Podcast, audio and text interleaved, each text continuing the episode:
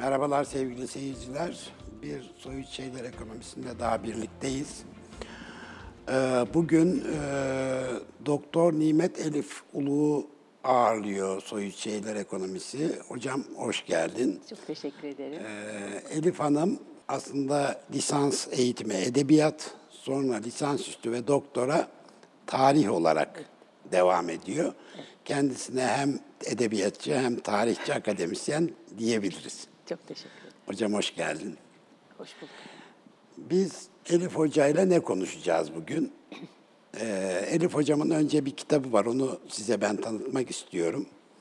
Ee, Doğan Kitapçılık'tan çıkmış bir kitap, Osmanlı'da Batıl İtikatlar ve Büyü. Ee, kitabın adı. Şimdi batıl itikatlar ve büyü buna da değiniriz ama asıl konumuz bu değil. Ben onu anlatacağım biraz sonra. Bu kitabın İngilizcesi de var. Bu ilginç bir şey. Hocam onu siz gösterin.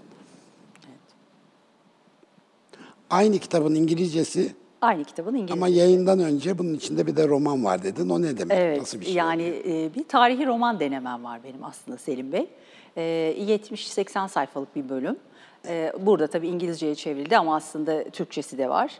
Şu yüzden yaptım onu. E, benim çalıştığım alanda e, insanın e, Cumhurbaşkanlığı devlet arşivlerinde çok net bilgilere ulaşması kolay değil. Çünkü insanlar biz büyü yaptırdık diye ancak işleri polise yansıdığı zaman gitmişler ve orada kayıt tutulmuş. Ee, o dönemin kolluk kuvvetlerine gidip e, bir takım şikayetlerde bulunmuşlar. Ee, insanlar için bu tür e, davranışlar, bu tür hareketler e, toprak altı işler. Yani çok e, karşılıklı olarak yaptırdığınızı söyleyeceğiniz konular değil. E, arşivlerde çok karışık belgeler vardı. Bu karışık belgelerden e, aslında e, Natalizm'in, e, Carlo Ginzburg'un e, Peynir ve Kurtçuklar diye bir eseri var. Biraz da oradan esinlenerek o karışık belgeleri, birbiriyle bağlantısı olmayan farklı yüzyıllarda elimizde olan bir takım bilgileri e, bir takım e, roman karakterleriyle e, ortaya koyarak yepyeni bir örgü yaratmak istedim. Aslında burada insanların neden bunu yaptırdıkları konusu üzerinde ve nasıl geliştiği, kimler tarafından yapıldığı kısmını anlatmak için. Ben aslında mikro tarihle ilgilenen biriyim. Kendim gibi sade, sıradan insanları nasıl yaşadıklarını merak ettiğim için aslında bu alana girdim. Ve e, insanlar nasıl yaşarlardı, nasıl davranırlardı, nasıl inanırlardı? İnanç e, ritüellerinin içinde neler vardı? Neden Osmanlı topraklarında asırlar boyunca bu şekilde bir İslam yaşandı kısmını aydınlatmak için çalıştım. Kitabın adı Büyü. Ama ee, yani batılı itikatlar aslında ağırlıklı ve bu itikatların nereden geldiğini, nereden köklendiğini anlatmaya çalıştım. Tamam. Pek büyüye değmeye çalışmadım. Tamam. Şimdi şöyle, bu e, aslında nereden bu işe merak sardığının cevabını da vermiş oldun. E, biz de seni niye davet ettik, niye konuk olarak aldık aslında onu söyleyeyim. Büyü için değil, büyü çok özel bir alan gerçekten bu. E, ama sen Osmanlı'da e, batıl itikatlar ve büyüyü araştırırken aslında bu Anadolu insanının e, kültürel anlamda inşasına hangi faktörlerin, hangi farklı kültürlerin e, katkı sağladığı e, gibi konulara girmişsin. Aslında benim ilgimi çeken o oldu. Nitekim kitabın arka tanıtım yazısında da e, bu belirtiliyor. E, şöyle demiş e, kitabı e, tanıtan arkadaşımız, bu kitap Osmanlı İmparatorluğundaki batıl itikatların ve büyünün toplumsal tarihini yazmak amacıyla hazırlandı. Ama ikinci cümle önemli. Yazar imparatorluğun hemen her döneminde yaygın ola- olarak rastlanan bu fenomenlerin kökenine iniyor. Şimdi bunu yaparken şamanizm, animizm, maniheizm, Budizm, Hinduizm gibi çok tanrılı dinler ile Mezopotamya'nın çok tanrılı inanç sistemi, Antik Yunan ve Roma kültürü, Musevilik, Hristiyanlık ve İslam son, son olarak Orta Asya'daki gök tanrı inancını da araştırmasına dahil ediyor. Şimdi sadece batıl itikatları ve toplumdaki büyü e, alışkanlıkları ya da ritüellerini araştırmak için bile bu kadar din ve kültürle bağlantı kurmak zorunda hissetmişsin kendini ki normalde batıl itikat ve büyü dışında da Anadolu insanının e, insanını aslında inşa eden kültürler, kendi getirdikleri, buraya kattıkları, buradan aldıkları gibi çok karmaşık bir, bir yapı var aslında ortada. Senkretik bir yapı diyoruz. Evet. Yani e, birçok e, içinde çok katmanlı yapısı olan bir e, durum bu. Şimdi tabii şöyle söylemek lazım. Tabii burada Anadolu'da derine doğru da çok Tabii, katmanlar tabii, var. tabii, tabii, tabii. Yani orada e, yine o çok katmanlı yapıdan Türkler buraya geldiğinde aldıkları bir takım e, ister istemez şeyler var. Tabii, tabii, tabii. Fenomenler var. Evet. Şöyle tabii başlayalım Şimdi sizi aslında. dinleyelim. Evet, Evet. evet. Ee, şöyle başlayabiliriz Selim Bey. Ee, şimdi Türkler e, 8. yüzyıldan itibaren e, boylar halinde İslam'a geçtiler. Ee, pek çok medeniyetler kurdular. O kurulan e, devletlerin ve medeniyetlerin de onlara kattıkları bir takım e, unsurlar var. Budisttiler, Maniheizme inanan e, bazı gruplar vardı. Aynı anda da tabii yani e, o 8. yüzyıldan, 7. 8. yüzyıldan itibaren de Buhara, Semerkant gibi e, Türk yurdu dediğimiz bu memleketlerde de çok önemli bir takım İslami e, tarikatların da başladığını söylememiz gerekir. Kalenderilik, Haydarilik, e, Ahmet Yesevi ve onun e, etrafındaki müritlerin e, bir İslam anlayışı ve algılayışı var.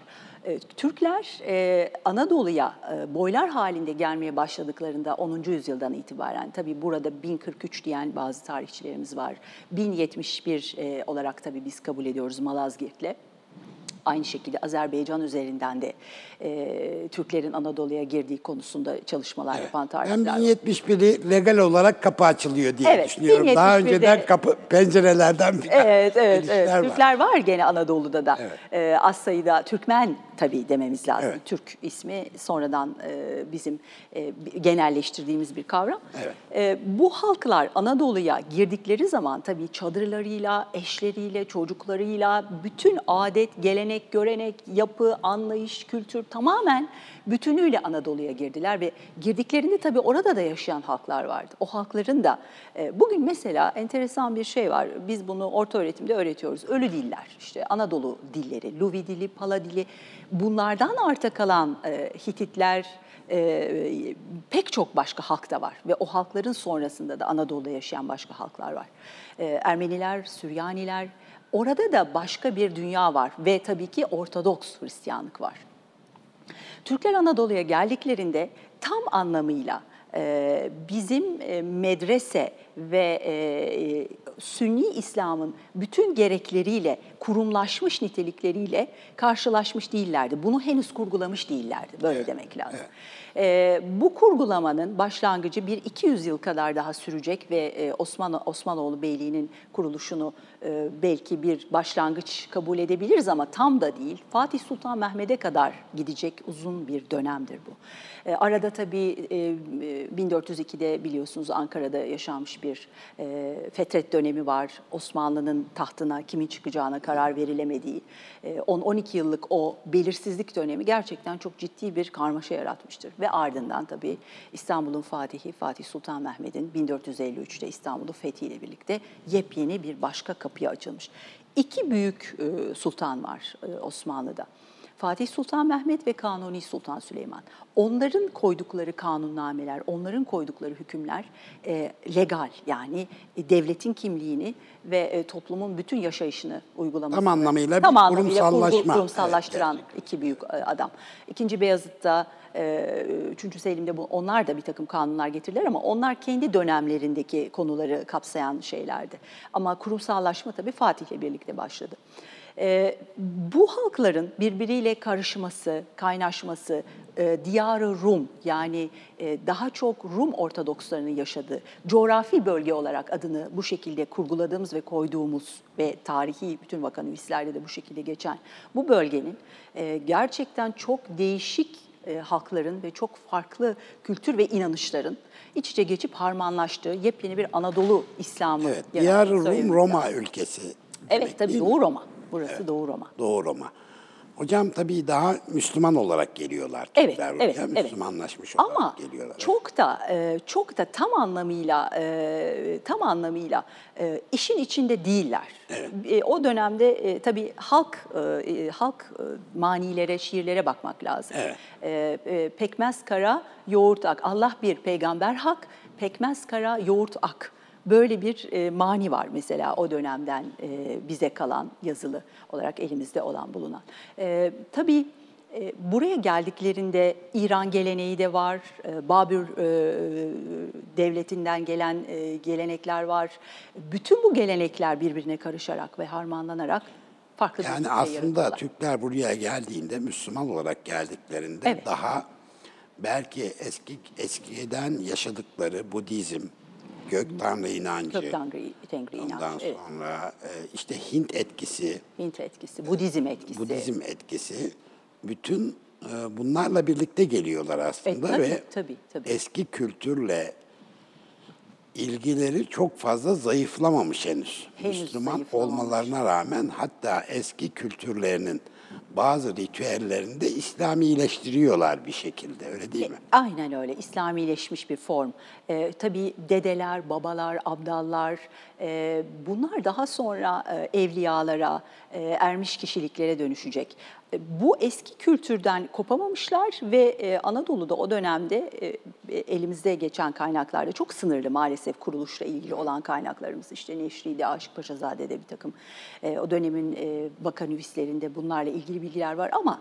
E, o dönemin o dönemin e, Orta Asya'dan gelen çok önemli bir başka e, bir başka form var. Şamanlar var. E, kök tengri inancından e, gelen bir e, alışkanlıkla. E, daha ilginç bir şey daha var. Orhun yazıtlarında da bunu görüyoruz mesela. Üste gök yerde yer yaratıldıkta ikisinin arasına insan e, yaratılmıştır. E, Hakan'ım da bunların üzerine oturmuştur. Yani bir Hakan, bir Kaan, e, bütün bu e, bütün insanlığı yöneten yani insanlık tabii o dönemin anlayışı için bütün insanlık olarak e, o, o bölgede ama bütün Zaten insanlık. gördüğü, bildiği evet, neyse gördüğü, o bildiği yani. neyse o dünyayı yöneten e, bu e, Hakan, Kam, e, Şaman dediğimiz e, bu figür, bu önemli figür gök ve yer arasında e, insanla insanla gök arasında o gelen e, uhrevi ve ulvi bilgiler arasındaki aracı kişi. Yani bir aracı sınıf ama aynı zamanda e, Metin Ant Oyun ve Bügü diye önemli bir eseri var. Orada bunlara çok değinmiştir. E, Kaan'ın, Hakan'ın da ayrıca kutsal, uhrevi bir takım nitelikleri olan ve bu görevi neredeyse Tanrı'dan almış olduğunu, e, tanrısal e, bir güçten kaynaklanarak bu işi yaptığını anlatan ifadeler var. Tabii bu ifadeler e, Türkler İslam'a geçtikten sonra e, onların e, İslam'ın birçok e, kavramına da çok uyumlanmıştır. O yüzden e, bir dönüşüm yaşanmış ve bu bu e, bu figürler e, bu figürler tamamen İslam'a e, uyumlanmış bir başka figürler haline dönüşmüştür. Evet. Hala Keramet sahibi evliyalar, e, aslında özel güçleri olan. evet bir kut yani şeyler. Evet, E, evet, evet, evet. kab- şeylerin o, o oymakların, obaların başkanları da öyle aslında kademe kademe öyle değil mi? Evet, evet, evet. Yani tabii, tabii. hem dünyevi hem dini lider. Hem dünyevi hem dini İkisini lider. tek bünyede birleştirmiş. Yani devleti de yönetiyor, aynı zamanda da e, o aldığı e, uhrevi emirleri e, insanlara aktarıyor. Evet. Yani Türkler İslamiyet'i geçtikten sonra da bu devam ediyor. Devam bu anlayış. Evet, Ama bu evet, sefer evet, evet. hem şöyle diyelim hem dünyevi hem İslami lider. Hem İslami diye- lider diye. tabii tabii. İşte e, tabii çok önemli bir e, kavram var Osmanlı sultanları için. E, Halife-i Ruhi Zemin ve Zıllullahu fil arz yani Allah'ın yeryüzündeki Yeryüzündeki gölgesi. gölgesi, evet. Ve e, ve tabii e, Yavuz Sultan Selim'den sonra biz hilafeti aldık olarak kabul ediyoruz. Ama e, ondan önceki Osmanlı sultanları da mesela bunu kullanmıştır. E, yani halife e, sıfatını. Ama bunu da şuradan kaynaklanarak kullanmış olduklarını söyleyebiliriz. Pek çok İslam e, pek çok İslam e, tefekkür sahibi olan e, e, alimleri, İslam alimleri e, aslında yöneticide bir kuvvet olması gerektiğini ve o kuvveti şekillendirerek e, insanları yönetmesi gerektiğini e, ifade etmişler. Onlar da bu bilgilerden ve bu yorumlardan yola çıkarak kendilerini böyle bir e, sıfatla sıfatlandırmışlar. Evet. Yani sadece Yavuz Sultan e, Selim'den öncekiler değil. Fatih Sultan Mehmet de bunu kullanmıştır. Yavuz Sultan Selim de tabii ki o zaten aldığı için o kullanmıştır. Ondan öncekiler de bunu kullanmışlardı. Hocam şimdi Anadolu'ya 1040, 1070 fark etmez. Yani sonuçta e, Türkler ge- geliyorlar. Geldiler. Topluluklar halinde geliyorlar ve bunlar Müslüman Türkler. E, tabii Müslümanlaşmış. Müslümanlaşmış Türkler e, e, Anadolu'da yerleşmeye başlıyorlar. İklim, bir bitki örtüsü filan gibi şeyler kendi yaşam, göçebe yaşam tarzına da uygun bir e, aslında iklim sunuyor onlara Anadolu öyle değil mi? Tabii tabii suyu arıyorlar. Yani Ha, su, suya su, evet, Ama su ve otlaklar. bu geliş asırlar boyu süren bir geliş. Evet. Yani böyle e, bir 200 yıl, 300 yıl içinde Evet, gerçekleşen. Anlıyorum. geliş. Ama mesela daha güneye yerleşenler mesela oralarda çok barınamıyorlar e, diye bir bilgi var bende. Anadolu bir tercih. İklimi, coğrafyası nedeniyle bir tercih e, şeyi oluyor e, anladığım kadarıyla. Verimli topraklar Evet, evet. E, Yaşam tarzlarına da uygun. ve ekip biçmeyi bilen insanlar tabii. E, oradaki o insanlardan da bunu öğreniyorlar. Yani bölgenin e, bölgenin insanlarından da geldikleri yerde karşılaştıkları insanlardan da. Yani- Her toprağın e, toprakta Tabii farklı yetişebilecek farklı olabilir. bitkiler, evet, doğru. var. Buradaki insanlardan da e, buranın tarımını öğreniyorlar. bir taraftan kendilerinde de bu bilgi var. Tabii, tabii, tabii. Tarım ve hayvancılıkla Geçiniyorlar. geçiniyorlar zaten. Ee, Ama orada çok önemli bir şey var Sevgi Buyurun, Bey. Estağfurullah. Ee, oradaki önemli şey bu halklar Ortodoks Hristiyan. Ve Buradakiler. E, tabii Evet, Anadolu'dakiler. Ayrıca Süryani Kilisesi de var. Kadim Süryani Kilisesi de burada Evet, var. güneyde. Ve e, Hristiyanlığın önemli e, toprakları, doğduğu topraklar, Aziz Paulus'un gezdiği topraklar buralar. Evet. Ve e, e, bilmiyorum tabii aslında tarihi içinde yaşadıkça ve e, gördükçe, e, bütün o ortamları gezdikçe insanlar daha iyi kavruyorlar. E, Ürgüp Göreme peri bacalarına bir gezi yapmıştım. Orada yeraltı kiliselerini e, gezdirmişlerdi. E, o yeraltı kiliselerini yani bir Allah'a Allah'ı birlemek adına, bir Allah'a inanmak uğruna insanların çektikleri acıları o yüzyıllarda, e, o kiliselere inmek bile neredeyse sürünerek iniyorsunuz. Çünkü e, çok tanrılı bir dünyadan, e, yer tanrısı, gök tanrısı, şimşek, ateş, güneş falan bütün bunların e, tek bir Allah'a inanmak şekline dönüşmesi sancılı bir dönem. Çok sancılı bir dönem ve bunlar arasındaki aracı kişilikler e, her zaman İslam'da bir ruhbana ihtiyaç duyulur. Yani kitabı, e, e, Kur'an-ı Kerim'i anlayabilmek için, e, Kur'an-ı Kerim'in anlamına vakıf olabilmek için muhakkak bir ruhbanın ihtiyacı vardır gibi bir algı var bizim toplumumuzda. Çünkü bu e, kök tengri geleneğinden e, bügü, bögü deniliyor. Şaman, kam, ozan, bütün bu kimlik. O kimlik de o aracılığı yapıyordu.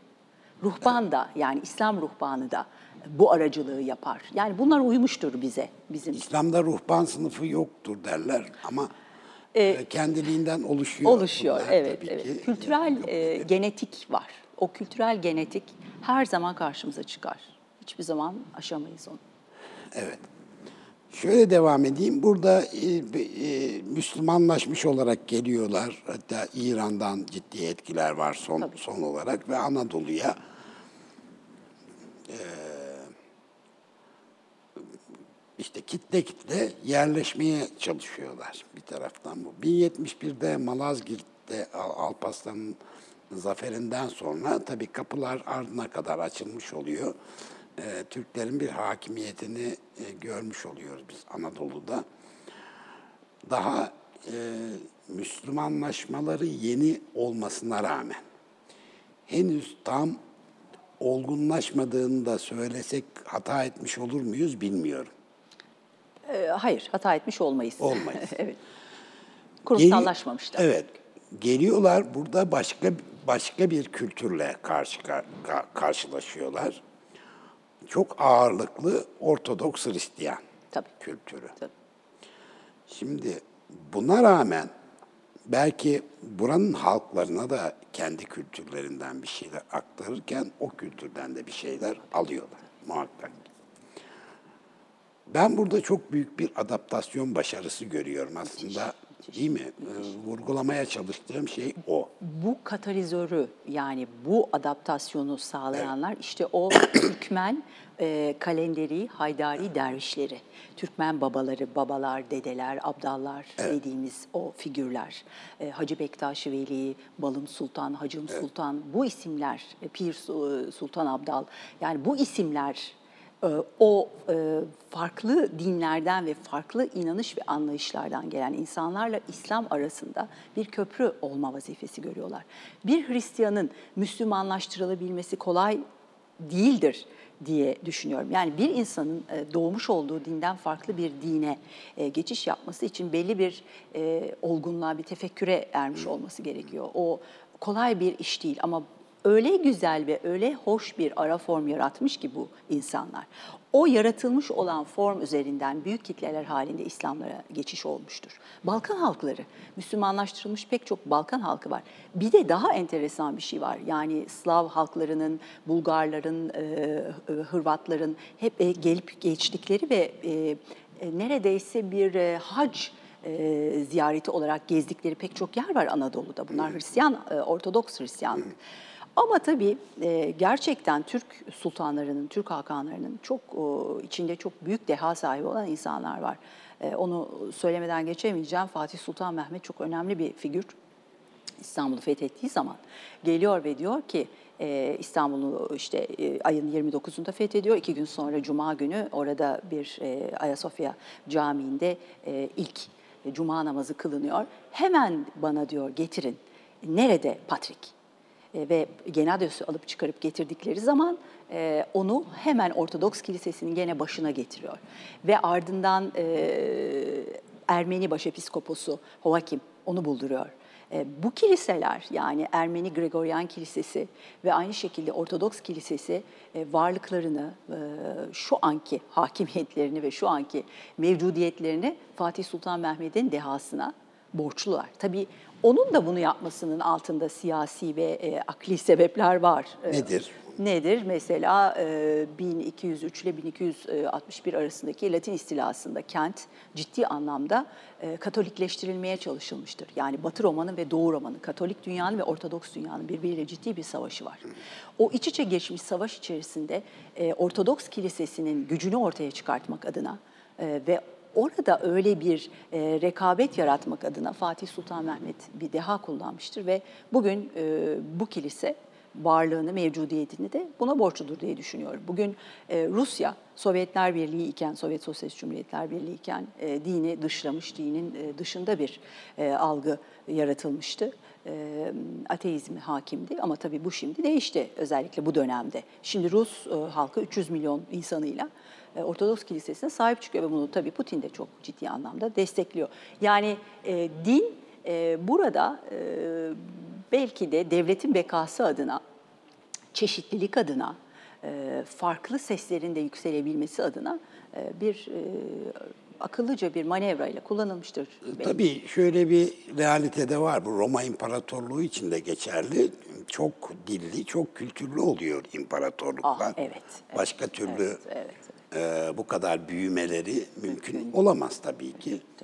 E, ve Roma İmparatorluğu'nun ar- e, e, resmen de Hristiyanlığı kabul etmesiyle birlikte bir devlet dini oluşuyor ama yani sonuç itibariyle yine de bir imparatorluk, kocaman bir imparatorluk. Kozmopolit yapılar tabii. Evet, kozmopolit yapılar böyle olmak zorunda. Evet.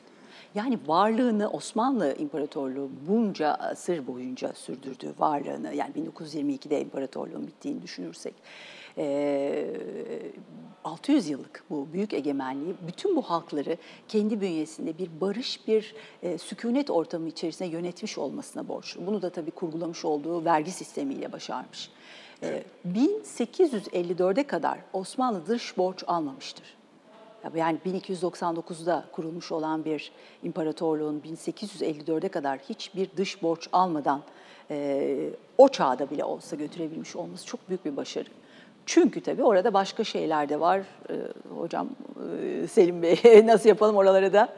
Gireriz. Gerek. Bir kısa reklam arası vereceğiz. Ondan sonra devam edeceğiz. Biraz sonra buradayız sevgili seyirciler.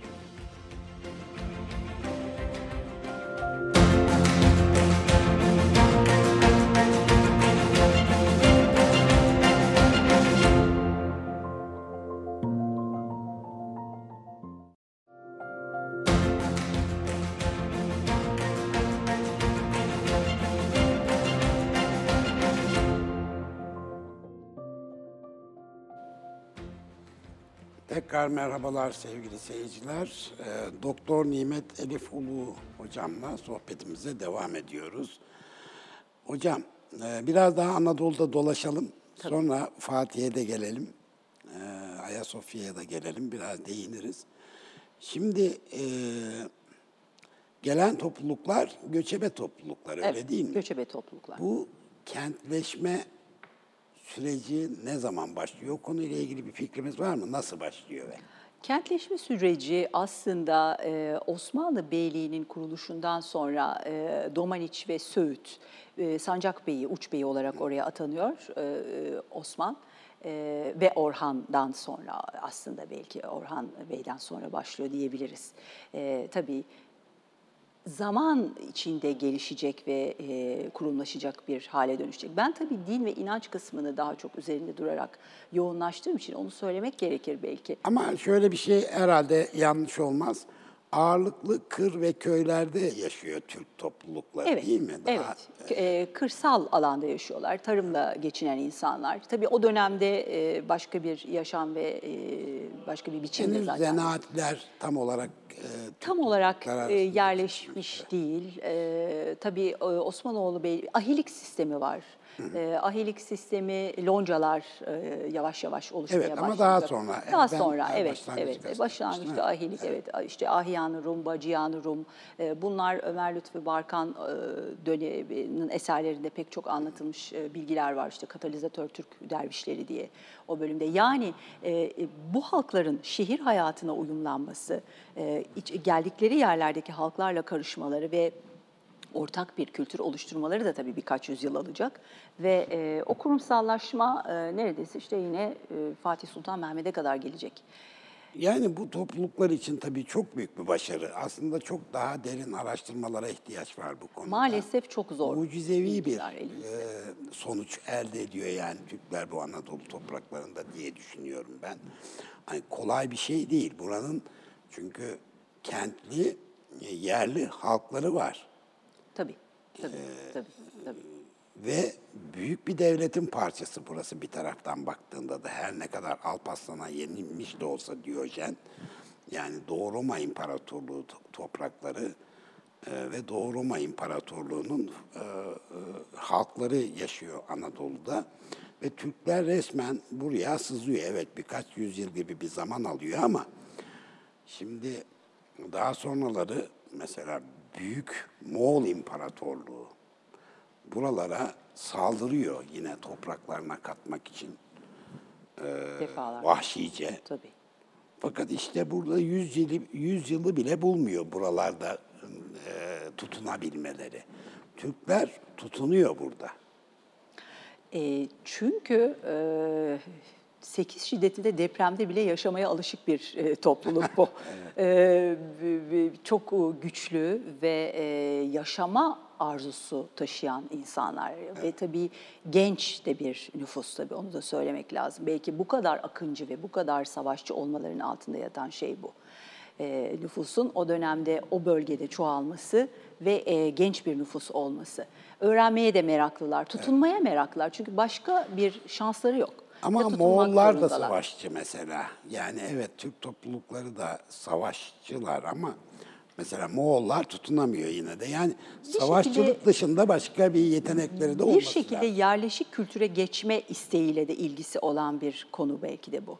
Ee, yerleşik bir e, düzene geçme arzusu. Çünkü asırlar boyunca aslında e, kulaktan kulağa gelen o menkıbelerde, hikayelerde hep bu anlatılıyor. Yani o toprak arayışı, Tabii biz sözel kültürün e, bilgileriyle buna ancak bugün vakıf olabiliyoruz. Çünkü elimizde yazılı kaynaklar fazla yok maalesef. Kuruluş hikayeleriyle ilgili de fazla bir şey bulabilmek mümkün değil. Hep daha sonra yani 14. 15. yüzyıldan sonra o Vakonivistlerle başlamış olan bir e, tarihin de kurumsallaşılarak anlatılması Çok az meselesi. e, tabii çok az. şeyler evet yazılı çok, çok az. kaynaklar. Çok çok az. Yani birçok bilgi üzerinde bugün e, bu kadar çok tartışılmasının altında yatan şey o ama önemli bir Halil İnalcık mesela e, çok önemli bir tarihçi ve o topografya bilen bir adam. Mesela işte Ankara Savaşı üzerine çalışırken kalkıp o ovaya gidip bu oda bu ovada nasıl yapılmış olabilir? O oradan geldi, diğeri buradan saldırdı. Yani tarihçilerin aslında tabii bugün bunlar üzerine çalışan biz tarihçilerin ben kuruluş dönemini çok çalışmıyorum ama bu çalışmaları da tabii muhakkak yapmaları gerekiyor. Çünkü elimizde dediğim gibi yazılı bilgi, yazılı kaynak az çünkü sözel kültüre dönük bir yapı var. Ama bu sadece bize özgü bir durum değil. Yani bu Avrupa halklarında da bu böyle. Belki kilise tabii kayıt tutmayı e, ve e, kayıt altına Kilise tabii almayı kurumsal, daha kurumsal. daha kurumsallaşmış bir e, kilise var orada. Ee, tabii yani şimdi birkaç tane yazılı kaynaktan söz etsek ben size sayarım. Üçü beşi geçmiyor yani bir taraftan baktığında. Hani Kaşgarlı Mahmut, işte, e, Yusuf Has, e, Hacip, Yusuf Has Hacip, işte bilmiyorum, dedem, dedem korku Dedem hikayeleri. Korkut hikayeleri. Evet, Bunlar da şey aslında yok. sözel eserler. den şey yazıya aktarılmış. E, Orhun eserler. yazıtları filan oradan. Orhun yazıtlarından yani Yusuf Has Hacibe ve Kaşgarlı Mahmud'a kadar geçen sürede bir boşluk var sanki. E, Divan-ı Lügat-ı Türk var yani işte biliyorsunuz. Orada belki hani Türklerin gelenekleri, yaşayışları, atasözleri Evet oralardan ilgili filan. iğneyle kuyu İğneyle kazar gibi kuyu kazar gibi aynen öyle. mi? Evet, çok zor iş. Çok çok zor iş. Çünkü tarih tarih amacından saptırılarak çok farklı bir yere doğru götürebileceğiniz bir şey. Kendi kendi objektif görüşünüzün yani objektif olabilmek zor olabilecek durumlar var e, insanın o yüzden nesnel olması konusunda sıkıntı yani tamamen öznel, tamamen kendi yargılarınızı, kendi dünya görüşünüzü, kültürel arka planınızı işin içine katarak işi bambaşka bir yere e, doğru e, çevirebilirsiniz. Böyle bir Evet ama onlara tarih değil efsane filan Evet diyoruz. tabii yani. menkıbeler, işte e, Bektaşi menakıbnameleri var mesela ama hep tabii daha sonraki e, asırlar. Yani biraz daha yerleşildikten sonra ortaya çıkmış olan şeyler, işler bunlar. Evet. Şimdi yavaş yavaş gelelim bakalım İstanbul'a doğru. Tabii bir Osmanlı'nın kuruluşu var. Yine evet. işte Selçuklu'nun e, ortadan kalkmasından sonra beylikler dönemi, ondan sonra da e, Osmanlı Beyliği'nin O da mesela aslında az çalışılmış bir konu bu beylikler dönemi üzerine daha çok e, araştırma yapılması gerekli. Mesela o dönemin Aydınoğlu Beyliği son derece bayındır. E, Ciddi anlamda sarayı olan, e, sarayında zenginliklere rastlandığı bir takım Arap e, tarafından anlatılan enteresan bir başka yapı. Ama tabii İstanbul'a gelirsek İstanbul bir mihenk taşı yani orada e, orada her şey bambaşka bir e, havaya bürünmüş oluyor. İki, İstanbul ve sonrası. İstanbul ve sonrası yani öyle Peki bu gerekiyor. var mı bir fikriniz Osman e, Osmanlı Beyliği gibi bu manada e, harekete geçen işte devletleşmeye çalışan beylik var mı Osmanlı? İçlerinde en başarılısı Osmanlı çünkü o aslında İstanbul'u fethetmeden önce Edirne'ye ve Çanakkale yani çevreliyor. O çevreledikten dolanıyor sonra evet aynen öyle. Zayıflamış çok kurnaz e, bir e, zeka yani işlek ve kurnaz bir zeka. E, Zayıflamış bir e, zayıflamış bir e, kenti alıyorsunuz aslında. Yani girdiği zaman Fatih Sultan Mehmet Ayasofya'ya çıkıyor ve o e, üstten baktığı zaman e, örümcek e, perdedarlık yapıyor. İşte Şirazi'nin önemli Evet. bir şiiri var. Efrasiyab'ın e, Efrasiyab'ın sarayında e, işte örümcek perdedarlık yapıyor. E, gerçekten acınacak bir durumdu. Çünkü o Latin istilasını atlatmış şehir 1268'de almışlar ama üzerine maalesef e, toparlama süreci fazlasıyla yaşanmamış. Ee, tabii o orada yani Sultan Mehmet e, iki dünyanın yani Doğu'nun ve Batı'nın, Doğu ve Batı e, Roma'nın e, imparatoru olduğu konusunda bir e, yargıda ve e, bu yargısında e, haklı olduğu da pek çok o, o dönemin devlet adamı tarafından da e, meşru olarak kabul ediliyor. Yani meşrulaş, meşrulaşmış bir iddia öyle diyelim. E, o yüzden e, gerçekten orası bir dönüm noktası yani İstanbul'un fethi. E, o fetihle birlikte yepyeni bir sayfa açılmış olacak Osmanlı içinde e, ve Osmanlı'dan sonra gelen bir takım e, önemli sultanlar içinde. Sonra hep de bildiğimiz kanun koyucu Kanuni Sultan Süleyman. E, onun küçük torunu tabii Sultan. Tabii e, Fatih Sultan Mehmet aslında e, Roma İmparatorluğunu bir şekilde devralıyor ve devam ettiriyor. Kendi anlayışı Ama öyle gibi. deha yani. Tabii şimdi Roma İmparatorluğunu ben devraldım dediğinizde de tamam böyle devralmış gibi olunmuyor. Yani müthiş bir deha. E, hem Latince biliyor, bölgenin dili olan Rumcayı biliyor, halkın konuştuğu dili biliyor, e, biraz İtalyanca biliyor. E, Ermenice bildiğini söyleyen e, tarihçiler var. E, yani o bölgede yaşayan insanların, o topraklarda, Diyar Rum'da yaşayan halkların dilini biliyor. İtalyanca bildiği, bildiğini demin de söylemiştim. Dante'nin e, ilahi komedyasını okuyor. E, balistik biliyor. E, yani şahi topları Urbanus diye bir bir önemli Macar o dönemin bilim adamıyla kurgulamaya çalışıyorlar. O başarısız oluyor ama o bilgisiyle Fatih Sultan Mehmet ve o uzun topları, uzun güçlü topları Osmanlı asırlar boyunca kullanıyor. Yani yıkılış dönemine kadar kullanacak. Bunların bir kısmı zannediyorum şimdi Deniz Müzesi'nde bir kısmı e, bilemiyorum nerede. Ama e, gerçekten bir deha. Farklı. Yani kendini o oraya hazırlamış bir adam. Yaptıklarıyla, evet. okuduklarıyla, kendini geliştirmesiyle kendini o koltuğa hazırlamış. O tahta hazırlamış. Dolayısıyla e, bir deha. Farklı. Çok farklı. Evet. Peki hocam, e, tabii e, İstanbul fethedildikten sonra biraz önce de dediğin gibi ilk cumayı e, Ayasofya'da e, kılıyor. Ayasofya e, tabii çok büyük bir mabet. Çok. Bugün içinde öyle tabii. Yani bir dünya mirasıdır Ayasofya gerçekten. Ve e, bir pagan tapınağının temelleri üzerine inşa ediliyor bir e, Hristiyan tapınağı olarak. Öyle değil mi? Tabii, tabii. E, daha önceleri aynı yerde bir pagan tapınağı varken ki onun da bayağı kubbeli filan büyük bir yapı olduğundan söz ediliyor. Çok bilmiyorum.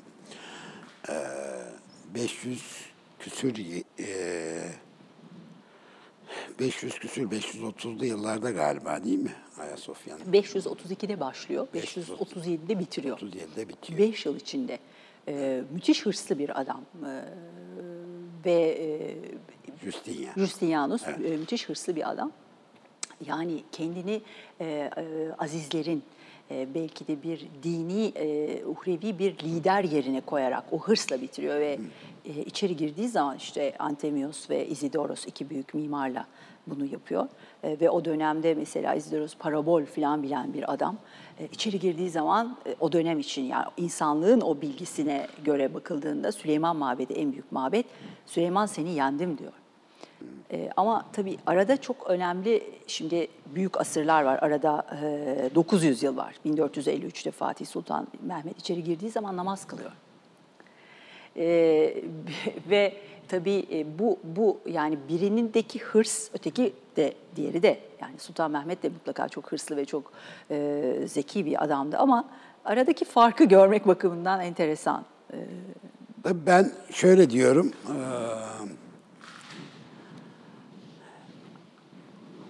Müslümanların da buna dikkat etmesi gerekir diye düşünüyorum. Şöyle ki 532'de e, inşaatı başlayıp 537'de biten o büyük Ayasofya mabedi e, henüz İslamiyet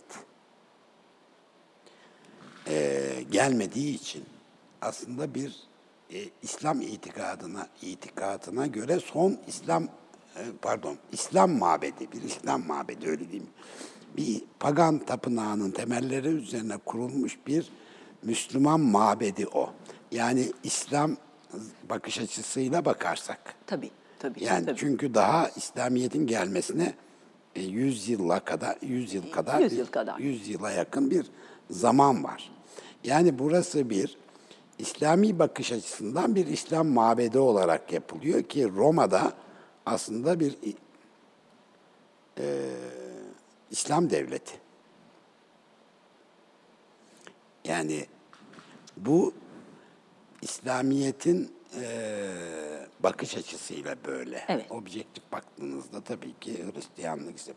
Yani e, İbrahimi dinlerin, dinlerin tamamını evet. İslam saydığı için son tabii. din İslam. Tabii. O bakımdan e, belki e, Fatih, bunu niye anlattım? Şunun için Fatih Ayasofya'ya girdiğinde ve ilk cuma namazını orada kıldığında belki de bu bilince de sahip yani büyük ihtimalle.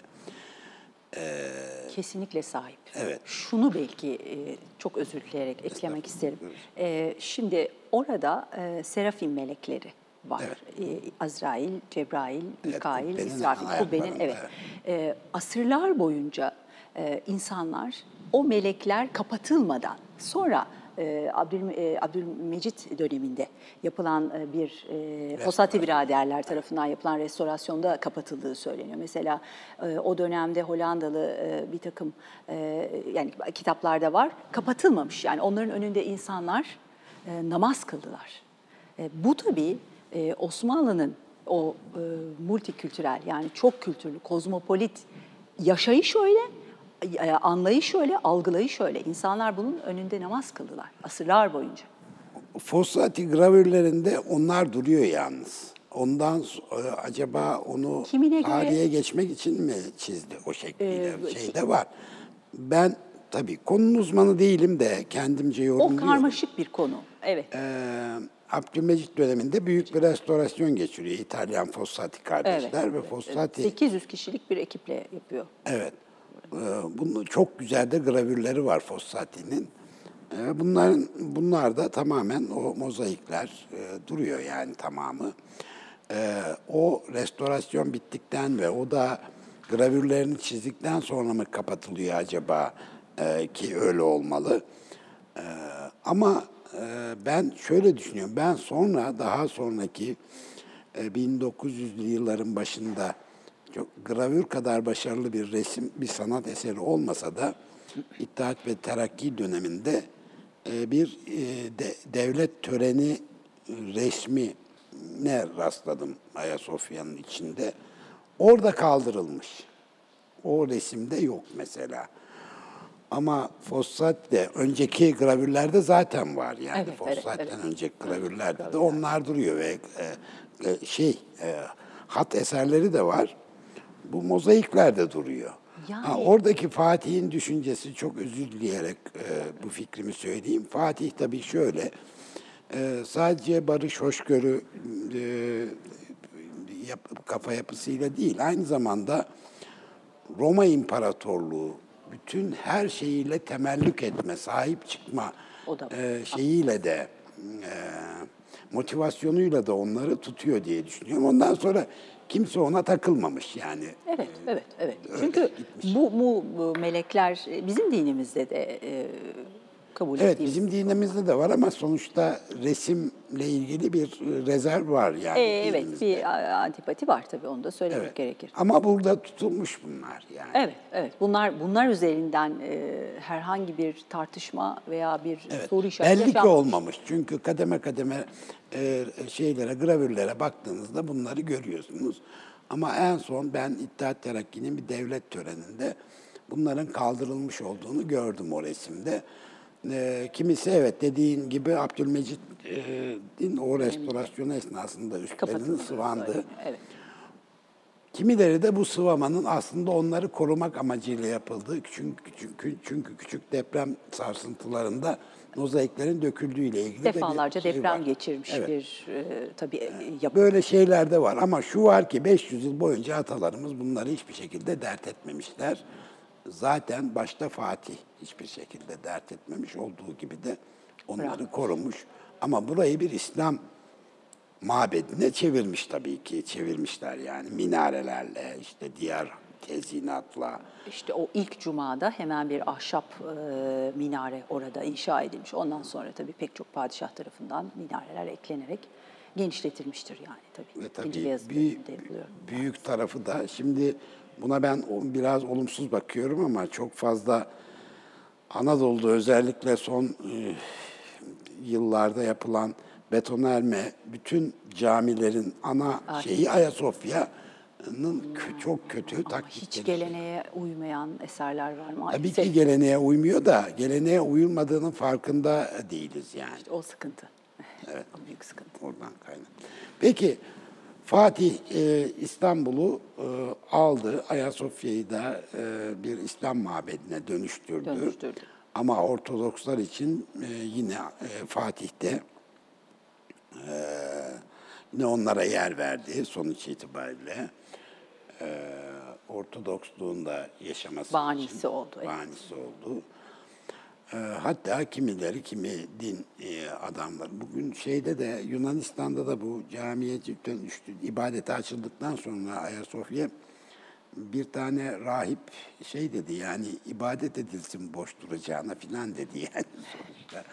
Ama Ortodoksların Latinlerden o zamana kadar çok çektikleri ortada. O bakımdan hani Osmanlı'nın gelmesi belki o din adamları nezdinde de aman aman da bir sorun o olmuyor. E, Latin külahındansa Osmanlı'nın Evet, e, öyle de bir söz var, evet, aslı var. tercih ederim. Aslı var mıdır yok mu? Halk arasında olabilir. Belki halkın e, Evet, dilinde evet, evet, belki. böyle bir şey yerleşmiş olabilir. Tabii geliyor ve e, kenti ilk başta e, girmeyin deniliyor. Çünkü tehlikeli bir şey Fatih'in at üstünde kente fetihten sonra girmesi hemen iki gün içerisinde, ilk gün içerisinde, ikinci gün içerisinde. Suikastler falan olabilir. Tabii tabii başına kötü bir şey gelebilir diye böyle öneriler var. Ama o dinlemiyor. Görmek istiyorum mutlaka ne olduğunu diyor. Ee, tabii e, yağmaya açılıyor kent. İslam e, fıkhına göre yani İslam'dan e, kaynaklanan hukuki ku- kurallara göre kent yağma ediliyor. Çünkü üç kere e, e, gidilip kentin teslimi istenmiş. Ama üç kere de istendiğinde teslim edilmediğinde o zaman e, kent, Ganimet, ganimet hakkı evet doğu, yağma hakkı doğu. yağma hakkı doğuyor. Ee, tabii e, saraylar, e, kiliseler, cami yok tabii orada da. E, Arap Camii zannediyorum var. evet. Evet, bir tek Arap Camii var. E, bunlar zaten padişahın kendi mülkü. E, e, ganimetin beşte biri de yine ke- padişahın mülkü. Ve e, tabii girdiği zaman halkın o çaresizliği, o yalnızlığı, o e, perişanlığı onu çok üzüyor ve çok e, zayıf bir kent. Yani maalesef ekonomik olarak da insanların bırakıp gittikleri, terk ettikleri ıssız bir hali var. E, ve o da e, o dönemde çok önemli e, bir takım e, e, şeyler, e, kanunnameler e, hazırlayarak insanları kente davet ediyor. Yani davetnameler pardon kanunnameler de çıkıyor. E, ve e, e, bu kentin tekrar eski, canlı, e, o e, önemli ve zengin hale gelmesi için her alanda usta olan insanlar kente davet ediliyor. Yani e, usta e, ayakkabıcılar, işte e, usta e, sebze meyve yetiştiriciler, her mesleğin insanları. E, Balkanlardan Yahudi halkları davet ediliyor, gelin buraya diye mutlaka e, kentte bir çünkü ticari düzenin kurulması isteniyor. İşte kapalı çarşı e, e, yapılıyor, hanlar, e, bir takım e, bir, bir, yani pek çok pek çok eser yapılarak bunlar da aynen bunlardan elde edilen gelirler de e, Ayasofya'ya e, vakıf e, kurulduktan sonra e, vakfediliyor. Yani ölü bir şehir yeniden diriltiliyor. Öyle bir kenti e, canlandırıyor. Mesela Aksaray, e, bugün Aksaray e, e, Aksaray adını, semti adını Aksaray'dan gelenler, Konya Aksaray'dan gelenler tarafından. Hatta Bursa'dan özellikle çok davet ediliyor. Ancak gelmeyince gidip orada dönemin yetkililerini ciddi anlamda azarlıyor ve siz ben size böyle bir davetname çıkarttım hiç uyan yok buna bu nasıl bir e, saçmalıktır çabuk hemen e, toplayın ve halklarla birlikte buraya gelin yerleşin diye. E, son derece e, akıllıca politikalar bunlar yani e, hep barıştırmak, kazandırmak, zenginleşmek, zenginleştirmek üzerine kurgulanmış bir dünya görüşü ve yapısı, kafa yapısı. Peki böyle bir e, son birkaç dakikamız kaldı. E, sığar mı bilmiyorum. E, Fatih böyle bir vizyon. Evet, vizyoner bir adam. Sonra e, ikinci Beyazıt ve e, devamında işte Kanuni Sultan Süleyman yine bizim e, Önemli dev e, şeylerden, sultanlarımızdan biri filan. Ama ondan sonra bir çöküş dönemi başlıyor. Maalesef. Bu vizyon, e, bu vizyoner bakış devam edemiyor maalesef. E, Bununla ilgili ne söyleyeceksin? Ve bugünlere geliyoruz. Ve bugünlere geliyoruz. Aslında Üç vizyon... dakikada. evet, vizyoner bir bakış açısının ötesinde e, coğrafi keşifler e, Avrupa'yı zenginleştiren, yani Amerika'nın keşfi. Ve e, ardından tabii okyanusların paylaşımı var. Yani e, Portekizli ve İspanyol gemicilerden sonra İngiliz, Fransız ve Alman gemiciler de diyorlar ki bir dakika yani bütün bunların hepsi İspanyolların ve Portekizlerin olamaz. Tabii okyanusu, Hint okyanusunun ve yine Atlas okyanusunun paylaşılması konusunda iki büyük anlaşma var işte. E, anlaşması ve Zaragoza anlaşması.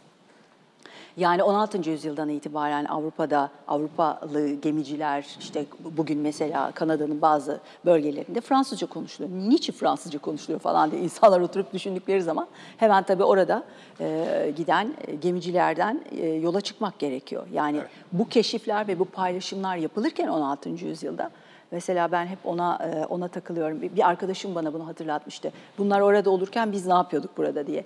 E, İşte e, bir kere Kanuni Sultan Süleyman tarafından Viyana'nın kuşatması var. Ardından Merzifonlu Kara Mustafa Paşa tarafından 1586'da. Yani biz bulunduğumuz yerden biz zaten doğudaki bütün e, e, toprakları ve imparatorlukları zaten ele geçirmiş durumdayız. Biz batıya doğru gidiyorduk ama e, Cebeli Tarık sınırında olsaydık belki biz de daha başka işler yapabilirdik. Yani daha ötesi yok ama e, öteye, daha öteye. Onlar hep daha öteye gittiler ve Amerika'nın bütün zenginliğini e, Avrupa kıtasına taşıyarak merkantilizmi başlattılar. E, başka bir şansımız maalesef yoktu. Yani yönetimdeki ya da e, işte e, istila etmekte ya da savaşmaktaki sıkıntının ötesinde Avrupa'nın e, sınırsızca ve kaderin önüne geçilmezce zenginleşmesi tabii bizim gerilememizin Evet tabii coğrafi keşifler öncesi hocam kültürel E, e, gelişimi tabii, tabii, tabii, tabii. e, matbaanın kullanılması. kullanılması. Bizde de kullanılmış ama o kadar da değil aslında. Bizde de kullanılmıştır. Mesela İncil'ler hep e, burada e, basılmış yani e, İstanbul'da Evet. da basılmış. Tabii ama, ama kendi dünyaları içinde tabii bize Avrupa bize değil. sirayet etmiş bir durum değil. Hocam aydınlandık. Çok teşekkür ediyoruz. Maalesef süremiz bu kadardı. Daha bana bu konuları çok konuşacağız. İnşallah. Ee, hakkına ağzına sağlık. Çok teşekkür Ben teşekkür ediyorum. ediyorum. Sağ olun. Sevgili seyirciler, Haftaya yine burada olacağız. Bekleriz efendim.